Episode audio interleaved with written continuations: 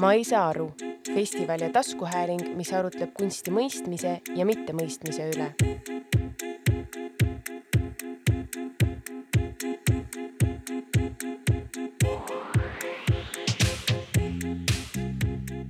tulemast kõikidele näitusele Tuur skulptuur. Mina olen selle näituse kaaskuraator Bianca Soe ja ühtlasi kunstifestivali Ma ei saa aru, mille raames ka see näitus avatud on, peakorraldaja. Näi-, festival ise toimub teist korda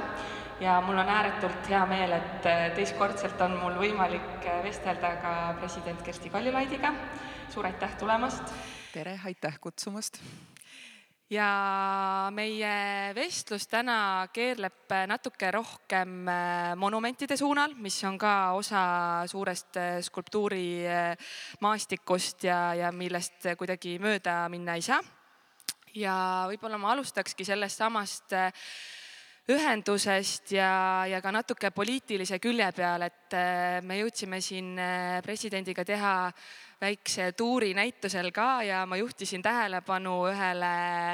peale, mis meil siin peade plejaadis on ja tegu on skulptor Vergo Verniku loodud minikoopiaga Konstantin Pätsist, kes siis peaks suuremal kujul juba selle aasta jooksul maabuma Rahvusooper Estonia taga. Ja ma küsiksingi esimesena, et mida teie arvate monumentidest suurmeestele, ma rõhutaksin tõesti võib-olla suurmehed, sest et äh,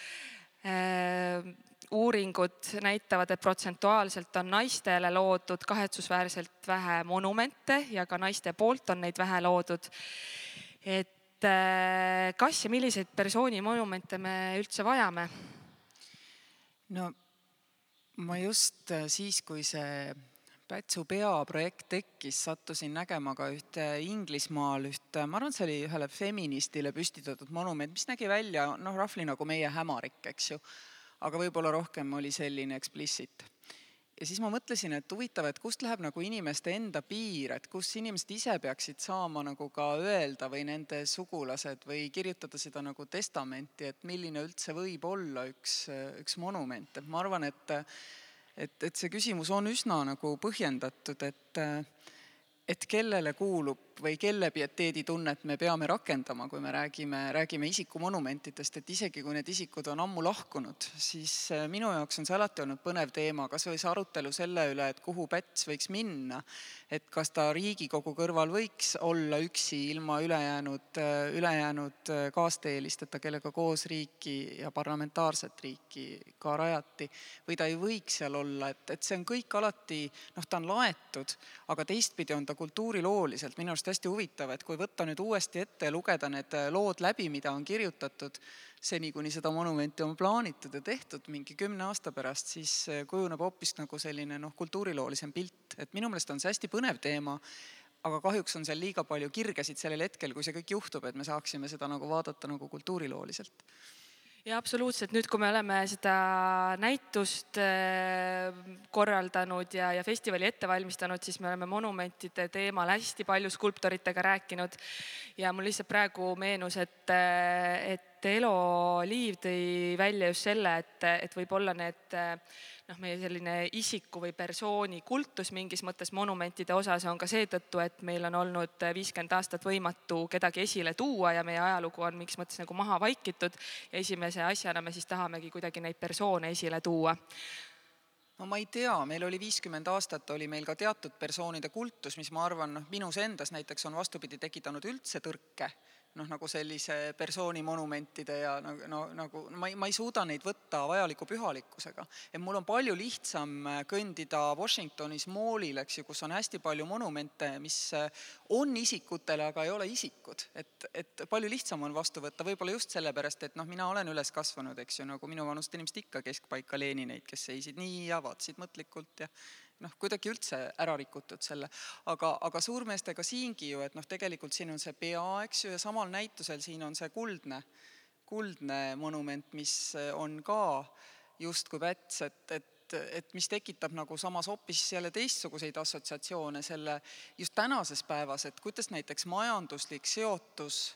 kellegi isiklik, võib-olla ka majanduslik nagu selline noh, arusaam, kuidas, kuidas kellega tuleb ajada majandussuhteid. tänases päevas see kuldne päts mõjub hästi teisiti, kui sa mõtled näiteks Saksamaa ja Ukraina suhetele täna. et hästi huvitavaid selliseid uue ringi kihistusi tekib. palju põnevam kui lihtsalt see monument, mis tõenäoliselt õues on, lihtsalt selline väike nähvakas on ju siin saalis jah, äh, teine asi, mille üle me oleme ka siin mõtisklenud ja just skulptorid ise on välja toonud, et et äkki me peaksime looma rohkem monumente ja üldse avalikku ruumi teoseid väärtustele, on see siis armastus, empaatia, et, et jällegi, et saada üle kuidagi nendest pronkspeadest, et mida teie arvate? Nojah, tegelikult iga rulapark ju sisaldab endas, eks ole, mingisugust monumentaalkunsti, mis on selgelt loodud nagu armastusele ja väärtusele, eriti kui selle rulapargi on näiteks noored ise teinud. Et äh, minu meelest äh, noh, just istudes nii Eestis kui mujal, sa mõnel pool on kasutatud, eks ju, sellist kumerat betoonivalu, kus on riiki ja linna nagu rohkem olnud, mõnel pool on need hästi sellised robustsed teosed, no aga siin saalis on ka, eks ole, siin on lihvitust ja siin on robustsust, eks ju. ja see üks, üks ei ole vähem ega rohkem kunst. et selles mõttes minu arust nagu üleüldse see arusaamine, et, et tänapäevane selline noh, ütleme linnaruum, linnakeskkond, kus me ennast hästi tunneme, no ma ei tea, minu jaoks üks säravamaid näiteid Euroopas on Luksemburgi ooperiteater, teatri tagune plats, eks ole, minu meelest see kõik üleni on nagu noh, skulptuur, iga asi, mis ma seal eraldi vaatan, ta on jälle, ta on, asetub teiste hoonete, pinkide, kohtade, nurkade, ta vist ei ole mõeldud rulaga sõitmiseks, aga kõik seda teevad. et nagu noh, suhtes ja ma vaatan, et see on jälle nagu selline monument eks ju. et eh, ma ei saagi enam võib-olla, no ma ei saa aru, noh, ühesõnaga nagu see festival on, mulle hullult meeldib see Ma ei saa aru, sest et see on olnud, ma arvan, väga paljude, no võib-olla ka siin tegelikult pikka aega kunst ikkagi oli selline elitaarne nõukogude ajal, enne ju ei olnud, eks ju, enne olid meil külmetavad kunstnikud, aga kuna nõukogude süsteem sai aru, et tal on lihtsam noh, ühiskonda hoida enda, enda kütkes või endaga koos, kui ta kultuurieliidi ära kodustab et, et siis, siis tekkis selline elitaarne nagu maine ja, ja, ja nüüd siis tekkiski nagu see, et enamus inimesi olid nagu madalamal. võib-olla seda enne Nõukogude aega üldse ei olnud, ma millegipärast arvan, et ei olnudki. Et, et see, see Ma ei saa aru, see lõhub seda väga hästi minu arust väga tore kuulda, eile meil oli üks vestlusring, millele meie panime ka võib-olla sama pro, natuke provokatiivse pealkirja Mida monumenti ja seal tuli ka täpselt jällegi seesama teema, et, et kus läheb see monumendi piir, kus on skulptuur ja avalikus ruumis üldse, et arhitektuur ja skulptuur tihti sulavad ja. ühte, et, et see ongi hästi põnev, et seda me üritame siin tõesti nüüd nagu kahe päeva jooksul põhjalikult lahata. ma jäin ise vaatama, vaata enne seda Haage veepudelit on ju, et noh, see on nagu puhas monument on ju, tegelikult tegelikult ta on hästi keskkonna ebasõbralik toode, sellepärast et neid veetakse ka Hiina, sest et ta on nagu nii ilus, kujutad ette seda pool, noh, see on kolmsada grammi kaalub, eks ju, vähemalt see pudel. see on valgest säravast klaasist, mis on kõige kallim ja kõige, no siia ei saa panna taaskasutatud klaasi, eks ju, et samas on ta nagu üliilus aga, aga ta on paheline, kui sa tead seda nagu back story't, eks ju. ja ta kõne, kirjeldab nagu seda ka, et, et, et tegelikult kui me kõik oleks nõus kasutama rohelisest klaasist pudeleid, ükskõik, kas seal sees on vesi või, või mõni kangem asi, siis täiesti nullkuluga meie enda jaoks keskkonna jalajälg klaasitööstuses oluliselt nagu väheneks, et aga ma ei tea, mul tekkis seda skulptuuri vaadates ka palju mõtteid, et kõik need on tegelikult ju noh ma arvan küll, et see on samasugune kunstiteos kui kõik see, mis me näeme ja see on tore tähelepanek selle materjali suhtes, et siin noh, meie näitusel ka on hästi palju erinevaid materjale esile toodud ja ja tihti need ei ole eriti tänapäeval eh, just kõige noh, eetilisemalt ja keskkonnasõbralikumalt, et ma just teile ka mainisin, et, et skulptor Edith Karlsson on öelnud, et tema noh, tahakski nüüd teha ainult eh, savist ja, ja võib-olla rohkem keraamilisi objekte, et aitab sellest plastiku kasutamisest. Eh, ja see nüüd viib mu järgmisele küsimusele, mis on ka väärtustega seotud, et, et ma tuleks ikkagi selle juurde natuke tagasi, et ja jälle natuke seotud ka veega, sest et meie näitusel osalev skulptor Terje Ojaveer on ka öelnud, et kui tema saaks monumendi luua, siis ta looks selle puhtale veele, puhtale õhule. ja Uku Sepsivart, kelle toredad papud meil siin näitusel on, et tema üldsegi rõhutaks võib-olla surmateemat, hääbumist, Eneken Maripuu tahaks ausammast luua rahule ja vaikusele, et millisele väärtusele teie monumendi püstitaksite? Mul hakkasid kõik need, mis sa ütlesid, nagu silme ees niimoodi jooksma, et kuidas sul on see veemonument, mis ongi veest, eks ju, et noh, selles mõttes, et äh, erinevad purskkaevu moodustavad ja siis, ja siis kõik see noh, rahu ja vaikus. tegelikult tühjus ka, hologrammkunst on minu arust nagu selline tühi, eks ju, selline, selline asi, et mul nüüd omal nagu ei tulegi selle peale kohe ühtegi ideed, aga, aga tegelikult noh, kui ma mõtlen, siis ma tahaksin, et meil oleks äh, võib-olla monument ja ma ei tea, kas see oleks nagu nüüd juba siis nagu mälestus või, või on meil nagu lootust ka, aga sellisele noh, sõbralikkusele ja headusele avalikus diskussioonis ja minu, minu pärast ka poliitilises diskussioonis, sest kui ma nagu mõtlen, siis see, millest me viimase kümne aastaga kõige rohkem oleme nagu ilma jäänud, on just see, noh, millest mina tunnen noh, ise nagu kõige rohkem puudust, sest ma olen kolmkümmend aastat olnud aktiivne nagu ühiskonnas noh, vähemalt jälgija, kui mitte ise alati kaasalööja. ja, ja ma nagu järk-järgult näen, kuidas neid kaasalööjaid jääb vähemaks, sest keskkond on muutunud pelutavaks, on ju. ja, ja siis teise, ja see, sinna kõrvale on tekkinud selline arvamusfestivali tüüpi äh, ütleme, monument vestlustele, kus siis rõhutatult ollakse nii-öelda raamis ja nagu noh, keegi kellelegi liiga ei tee ja tülli ka ei lähe ja see on sama kunstlik nagu äh, et kuidagi kunagi tuli see kõik meil nagu loomulikult välja, et selline loomuliku ja mõnusa kohvilaua arutelu nagu sellise monumenti vist on vaja. ma kujutan ette, et kui me mõtleme, kuidas me kodus oma lastega, mina näiteks eile õhtul istusin kodus lastega ja me viskasime kaks tundi palli väga erinevatel teemadel ja naersime nagu koerad. et vot sellist nagu aruteluruumi. et aga ma ei tea, võib-olla peabki sellele juba monumendi panema, et seda ei ole enam no aga ma hüppan siit võib-olla natuke tõsisema pallimängu juurde ka ühe diskussiooniga seoses, et äh, hiljuti äh, skulptor Türi, Jüri Ojaveriga mm, seoses äh, tekkis Jõhvis elav arutelu ühe kirve teemal, et skulptor oli siis linnaruumi paigaldanud kirve, tegelikult juba kakskümmend aastat tagasi oli see skulptuur seal olnud, oli olnud kogu aeg sinist värvi, aga kuna dolomit, millest see kirves tehtud oli, imab värvi, siis kunstnik äh, on seda aeg-ajalt üle värvinud ja seekord ta käis ka värvimas teda siniseks, ta lisas kollase värvi. ja kohalike elanike seas tekkis siis elav äh, diskussioon ja see teos läks hästi, noh, mina julgen öelda, et toredasti elama, selles mõttes, et alati on hea, kui avaliku ruumi teoste puhul mingi diskussioon tekib. Aga, aga mis teie arvate, kas, kas elanikkond kuidagi reageeris sellega üle, sest et seal just see problemaatiline koht oli see, et, et viidati, et ollakse kuidagi väsinud sellest, et kõik kõik, kõik kunstiteosed peavad äh, Ukraina sõjast rääkima, et ja, ja kas äh, kunstnikul oli oma äh, tööd õigus täiendada vastavalt siis õhus olevatele olulistele teemadele? aga muidugi oli, sest kui ma vaatan, kuidas näiteks siin hakkas vahemikus kaks tuhat kakskümmend ja kakskümmend üks kasvõi tulema meil noh, kasvõi näidendeid on ju, mis tegelesid sellise noh, autokraatia, demokraatia, ühtede rühmade domineerimise teemaga üle teiste Äh, naistega, naiste õiguste ja kõige sellega, et, et siis ju kunst ja kultuur ongi ju see, mis, äh, mis toob äh, noh, selle ühiskonnas valitseva tunnetuse, selle, mis on õhus, nagu toob nähtavale. ja noh, see tõi ikka väga nähtavale selle, mis on õhus ja õhus on see, et me oleme mingis mõttes loonud endale illusiooni, et kuna meil on ilusam elu, jõukam, jõukam olevik, demokraatia ja vabadus,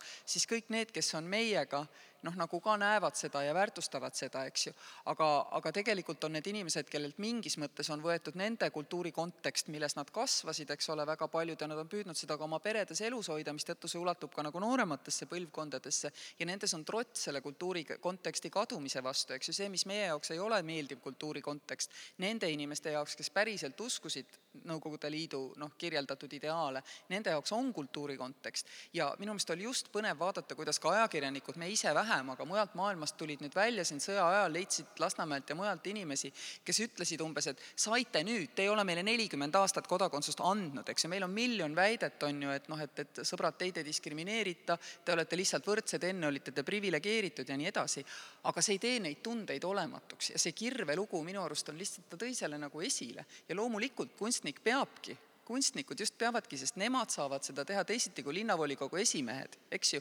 no ei kujuta ette, et ma ei tea, Jõhvi linnavolikogu esimees võtaks sellise asja diskussiooniks niimoodi noh, lihtsalt, et hakkame nüüd arutama, on ju. aga vaat näed, niisuguse kirvega nagu tuleb, eks ju. minu meelest on see tore, et, et kunsti roll see ongi kõige ehedamal ja kõige ka noh, valusamal selles mõttes moel, sest see küsimus on üliülivalus jaa, täiesti nõus, ma ütlen, et minul ka mingil veidral viisil, eh, olgugi et teema ise on tõsine siis oli nagu hea meel, et, et see mingi külje pealt aktuaalseks sai. Eh, üks eh, tuntud filosoof Robert Musil on öelnud, et avaliku ruumi teosed on tegelikult nähtamatud, et nad muutuvadki nähtavaks siis, kui keskkond nende ümber muutub, režiimid muutuvad ja seeläbi muutuvad ka nad hästi haavatavaks, et ta on hästi Äh, põhjalikult seda uurinud, kui haavatavad on ka näiteks monumendid. ja nüüd, kui natuke võib-olla rääkida ka poliitilistest äh, monumentidest, et noh, meil Eestis on endiselt hästi palju punamonumente ja see teema on praegu hästi päevakorras, et äh, et need on niivõrd laetud ja sügavad teemad ja, ja kunstiteosed, et et, et kuidas nendega käituda tuleks, et siin Lätis just hiljaaegu võeti vastu otsus, et ikkagi üks punamonument läheb teisaldamisele. et kuidas meie sellega toime peaks tulema võimalikult siis ütleme jah, et, et valutult ja kuidagi humaansel viisil, et kas, kas me peaks hävitama, kas me peaks monumente dekommuniseerima, kas me peaks need lihtsalt silma alt viima ära näiteks sarnasesse turvalisse kohta nagu ajaloomuuseumi Maarjamäe park ma arvan, et ongi erinevad lahendused, et ühte lahendust ei ole, et igal kogukonnal peab olema võimalus see asi nagu läbi arutada, aga mida me kindlasti peame tegema, on see, et kui see monument võib tekitada küsimuse, et miks ta siin on, siis peab seal juures olema noh, nii-öelda selgitus ühelt poolt ja teiselt poolt, eks ole, et see monument on siia püstitatud sellepärast, eks ole, aga noh, me saame sellest aru nagu ka võib-olla teisiti, eks ole. et, et vähemasti sellised selgitavad, selgitavad, ma ei tea, kuidas neid nagu välja panna, nii et neid ära ei sodi teine pool, eks ju, aga aga mulle tundub, et vähemasti selline raamistik tuleb ikkagi anda. et noh, ka kui võib-olla siin kõige rohkem on juttu olnud kas või sellest Narva tankist, eks ole, et noh, seal on ju ülilihtne ka nagu raamistada seda, et, et, et, et miks ta meie jaoks on ikkagi nagu ähvardus et ka see pool peaks seal olema, olema siis kirjas, eks ju, aga võib-olla mõne, kui, kui jälle mõni kogukond tahab mõne monumendi ka ära viia, ma ei näe ka selles nagu noh, midagi halba, eks ole. et, et lõppude lõpuks eh, need on, väga paljud on ikkagi okupatsiooni noh, armid, käsnad nagu Eestis, et eh, ma arvan, et siin ei ole ühtset, ühtset mingit valikut ei, ei saa teha nende kultuuriline või noh, väärtus, nende kunstiline tase on, on hästi-hästi erinev, et ja mõnikord on mõni asi muutunud omaette uueks kunstiks, ma sattusin Saaremaal, ma ei hakka igaks juhuks ütlema, kus see oli, leidsime ühe endise mahajäetud sõjaväehoone lähistelt ühe ühe pea, mis tundus olema kingissepp, aga jumal teda teab, kes meist seda kingisseppa ikka nii hästi tunneb, aga millegipärast meile tundus, et see on kingissepp ja ta vaatas meid võsast selle sõjaväebaasi väravast ja mu arust oli see perfektne koht nagu tema jaoks ja ma ei tahaks, et ta sealt nagu teisaldataks, on ju. ja, ja samas, kui keegi oleks selle kaunisti korda teinud, pannud sinna ette lilled ja öelnud, et see on kingissepp, siis oleks ta tekitanud minus hoopis teistsuguse assotsiatsiooni, nii et noh, need seosed on nagu nii erinevad, mida see, mida see ümbritsev juba ja kuidas me teda kohtleme nagu teeb, et võib-olla on seda Narva tanki ka võimalik neutraliseerida neutraliseerida meie jaoks? Äh, Elo Liiviga eile vestlesime ja siis tema ütles, et tegelikult noh, ka see Aljoša, mis on äh, ju üks märgilisemaid objekte, mida, mida kõik teavad ja, ja tohutult poleemiliselt oli see lahendatud, et, et kui juba see oleks olnud sõdur, kellel ei oleks olnud nii otseseid viiteid noh, kas siis äh, autasude ja märkide või, või selle mm, tema vormi osas, et, et siis ta oleks ka vähem tähelepanu pälvinud. ja noh, Elo mõte oli ka, et miks me ei võiks näiteks hoopis äh, laste kaudu või hoopis abstraktsemalt sarnaseid nagu olulisi teemasid markeerida, et, et noh, mina leian ka, et, et me peame eh, ja avalikus ruumis eriti, et meil peavad olema need kuidagi meie väärtused ja, ja, ja olulised eh, objektid olemas, aga et võib-olla me saaksime nagu esteetilisel moel neid kuidagi pehmendada, et need ei peaks olema nagu nii otseselt noh, täpselt nii haavatavad, nagu Masil ka on öelnud, et, et meil ei tekiks nagu kohe sellist trotsi ja sellist valusat tunnet, kui me mõnda objekti vaatame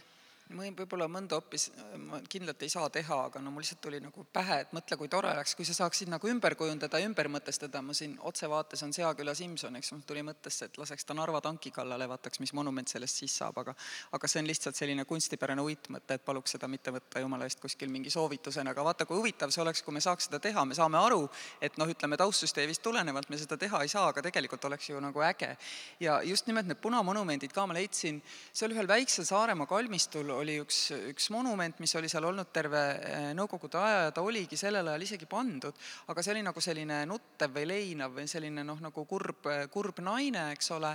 kes siis oli mälestus kõigile, kes on nagu sõjas hukkunud, aga ta oli pisut, pisut nunnaliku olekuga ja ma mõtlesin, et kuidas oli võimalik, et selline asi püstitati, aga noh, meretagune asi, kes ikka käis nii lähemalt vaatamas, nii et neid on tõesti väga-väga erinevaid, neid eri, selle, ka selle ajastu maamärke nüüd hakkas minul see mõte jooksma ette tuli mitu,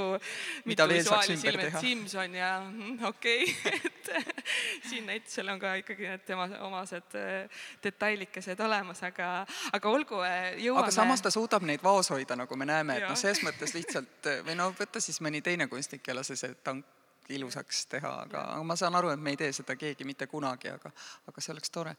aga mis mulle siin näitusel veel väga meeldib, et ma ei saa sellest kuidagi üle, on see raamatu, raamatute skulptuur, sest ma arvan, meil on kodus kõigil selliseid, et näiteks mul tuli kohe meelde, et meil on suures toas selline installatsioon, ta on mõnevõrra madalam, seal vahel on ka noodilehed, tihti lebab seal kõrval viiul ja vahest leian ma sealt ka sokke. aga, aga, aga ta on üsna nagu, ma ei ole seda kunagi vaadanud kui skulptuuri, et vist võiks tegelikult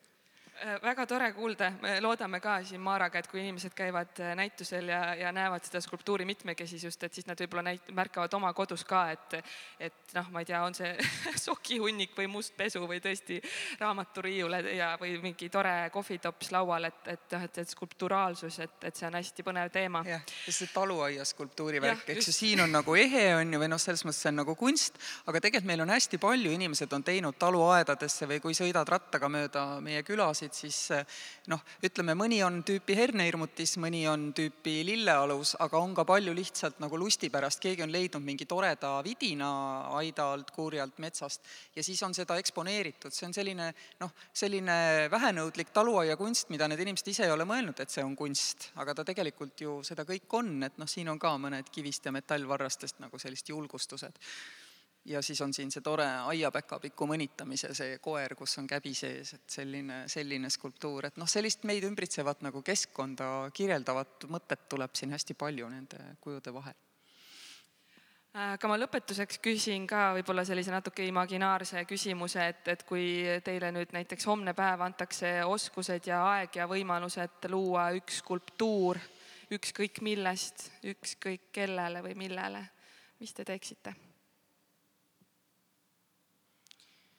Üks nähtus, mis on ähm, vaba ühiskonna toimimisele kohutavalt oluline, on nagu vaba ajakirjandus. vaata kõik see, et me saame kogu aeg hästi vabalt oma mõtteid avaldada ja mitte keegi ei võta, ühegi lehe omanik ei võta papa Janseni positsiooni, et rahvast tuleb elama õpetada ja kõik selline nagu maailm. et ma arvan, ma tahaksin teha sellist vaba ajakirjanduse skulptuuri aga ma isegi noh, minu enda ütleme, kunsti, kunstilised, tehnilised oskused on nullil, no täielik null, nii et ma isegi ei kujuta ette, kust ma seda nagu alustaksin, et, et ma sellise vaba ajakirjanduse skulptuuri võiksin, võiksin kuidagi, kuidagi teha.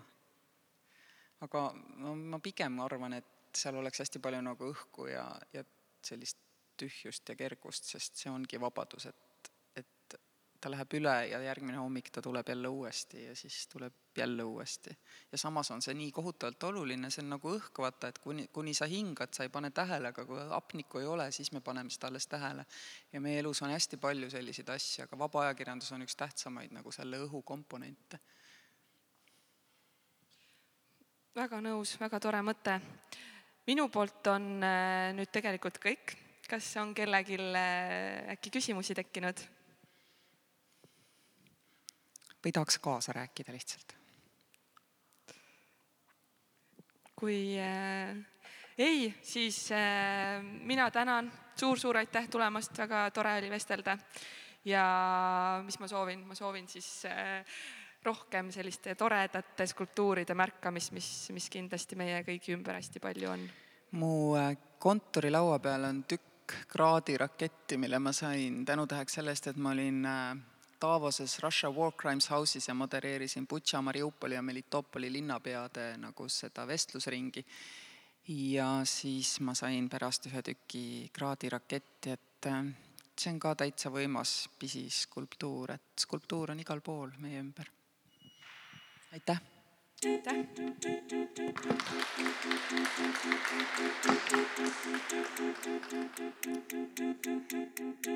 ma ei saa aru, festival ja taskuhääling, mis arutleb kunsti mõistmise ja mittemõistmise üle